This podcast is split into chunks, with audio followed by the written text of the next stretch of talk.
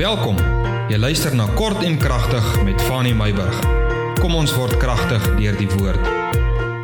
So groet ek jou weer op hierdie begin van 'n nuwe week en uh ek vertrou dat jy 'n goeie naweek gehad het. Eerste week van skool is verby van die laaste kwartaal. Ek hoop julle is sommer gereed vir die nuwe week wat voorlê. Ek wil 'n bietjie met jou gesels vandag oor fake, daai voorgee iets te wees wat jy nie is nie. Nou ek weet nie of jy ook die week gehoor het wat nou verby is nie. Eers hoor 'n mens van 'n fake dokter. Ek weet nie of jy bereid is om na 'n fake dokter toe te gaan nie. In my geval, dit lyk vir my hulle bestaan en weet jy as daai een is, dink ek nie daar is net een nie. Daar moet meer wees. Toe hoor ons weer van 'n fake apteker wat haarself voorgedoen het as 'n apteker, bel haar aan apteke gewerk en so, maar sy het nie die kwalifikasie nie, sy's 'n fake apteker. So kan ons verder gaan. Ons kom nou al lank met fake polismanne, voorgee polismanne, verkeerskonstabels, manne wat sê hulle is wat hulle nie is nie, voorgee mense.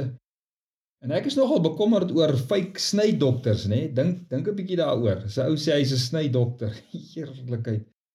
In elk geval, fake motorwerktuigkundiges. Ek dink daar is seker redelik van hulle deesdae. Ek praat hierdie week praat ek met iemand nie hierdie weekie week wat verby is, praat ek met iemand rondom voertuie wat foutief is en, en stikkend is en so aan en ons praat oor backyard mechanics en uh, hy sê vir my wel vroeër jare was die backyard mechanics jou beste mechanics gewees, jou beste motorwerktuigkundiges gewees. Hulle het geweet hoe om 'n voertuig reg te maak. Hulle was nie fake nie.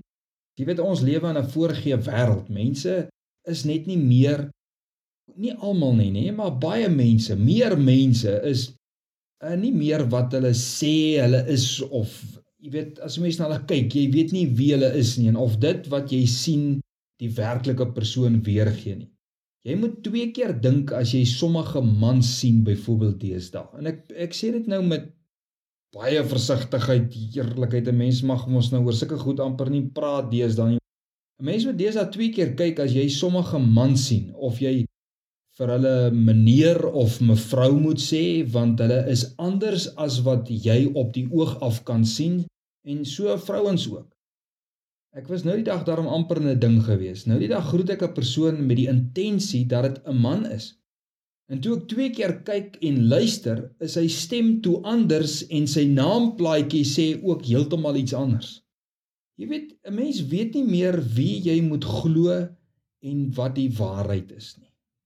OK, kom ons los dit nou alles daar. Ek wil vanmôre 'n pleidooi rig. Wat is my pleidooi? Kan ons asseblief ons God, ons geloof en ons kerke eghou? Kan ons asseblief nie van ons kerke besighede maak nie? Soos dit waarteen Jesus 'n sweep voorgevleg het nie om die geldwisselaars en die duiwe verkopers almal uit die kerk uit as ek as ons dit nou nuwerwets kan maak almal uit die kerk uitgejaag het want Jesus het gesien hulle maak van die bidplek maak hulle 'n besigheidsplek. Kan die die hakens asseblief tog bly by die Bybelse voorskrifte en egte die hakens wees?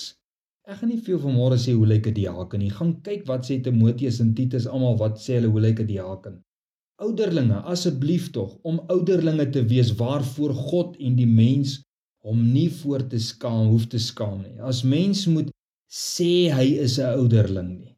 Dat mense nie hoef skaam te kry daarvoor nie. Kan die predikante tog asseblief eg bly tot hulle roeping en doen wat die Bybel van hulle verwag om te doen. Sal die kinderkerkpersoneel tog asseblief nie vir die kinders Avatar of Lion King speel as die 5 minute les verby is nie. Asseblief tog, bly eg by die woord. Kan die afgetrede oues van daai tog asseblief die jongeres leer hoe om die Here te dien. Hulle leer wat dit beteken om hard te werk, huis te hou en hulle huwelike op te pas. Asseblief tog. En kan die kinders asseblief tog hulle ouers respekteer soos die Bybel hulle leer. En kan die ware Christene tog asseblief opstaan. Daardie Christene wat nie so verwarrend lewe dat mens nie 'n cooking clue het of hulle gered is en of hulle nie gered is nie. wat ek jou werklik vandag kan sê wat eg en nie fake is nie. As ons nou by alles gaan verbykyk. Kom ons sê vanmôre jy kyk in die lewe en jy kyk en jy kyk vas teen en jy sien al hierdie fake mense en fake predikante en fake Christene en al die fake goed.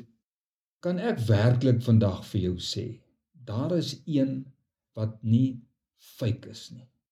En dit is Jesus ons verlosser. Want Jesus en die Bybel en almal wat Jesus so leer ken het selfs die wat saam met Jesus geleef het kon beamoen dat Jesus eg en waar is. Johannes 15 vers 1 sê Jesus van homself hy sê ek is die ware wynstok en dat julle in my moet wees en dat julle uit my uit moet uitspruit en vrug dra wat God verheerlik. Johannes 6 vers 32 sê Jesus ek is die ware brood uit die hemel. Ware brood uit die hemel, die ware geestelike voedsel. Johannes 6 vers 55 sê Jesus dat my liggaam is waarlik spys en my bloed is waarlik drank. Jy verstaan mos die begrip daarvan. 1 Johannes 5 vers 20 sê Johannes Jesus is die waaragtige God en ewige lewe. Hy's die waaragtige God. Daar is geen ander God nie. Al die ander gode is fake gode. Maar Jesus is die waaragtige God en Jesus gee ons die waaragtige ewige lewe. Johannes 1 vers 9 praat van die waaragtige lig. Johannes sê Die waaragtige lig is aankom in die wêreld wanneer hy praat van Jesus. Jesus is die waaragtige, die werklike, nie die fake lig nie. Hy's die ware lig. En dan sê Jesus ook in Johannes, hy sê ek is die goeie herder. Wat ek vanmôre vir jou wil sê in die begin van die week vir die res van die week, as alles en almal om jou fake is, en jy soek 'n substansie en waarheid vir jou siel gaan na Jesus en gaan na sy woord toe dit is waar dis eg dis nie fake nie. En wat sê Jesus vir ons as in aanhalingstekens kerkmense? Jesus soek mense Johannes 4 vers 23 God soek mense wat ware aanbidders is ware aanbidders wat God in gees en in waarheid aanbid. Verstaan jy hoekom ek sê sal die ware Christen asseblief opstaan, die ware kerk, die ware diaken, die ware ouderling, die ware herders, die ware ware kinderherders, die ware Christene, die ware oues van daar, dat hulle sal opstaan. Ware aanbidders wat God in gees en in waarheid aanbid. En sonder om baie hieroor te praat of uit te brei hierop, weet ek en jy wat ware Christendom is. My uitdaging aan jou vanmôre is: kom ons lewe opreg daarvolgens. Seën en vrede tot ons môre verder uit die woord van die Here gesels. Môre wil ek 'n bietjie met jou gesels oor Juda en Tamar, 'n gewonde dier. Seën en vrede.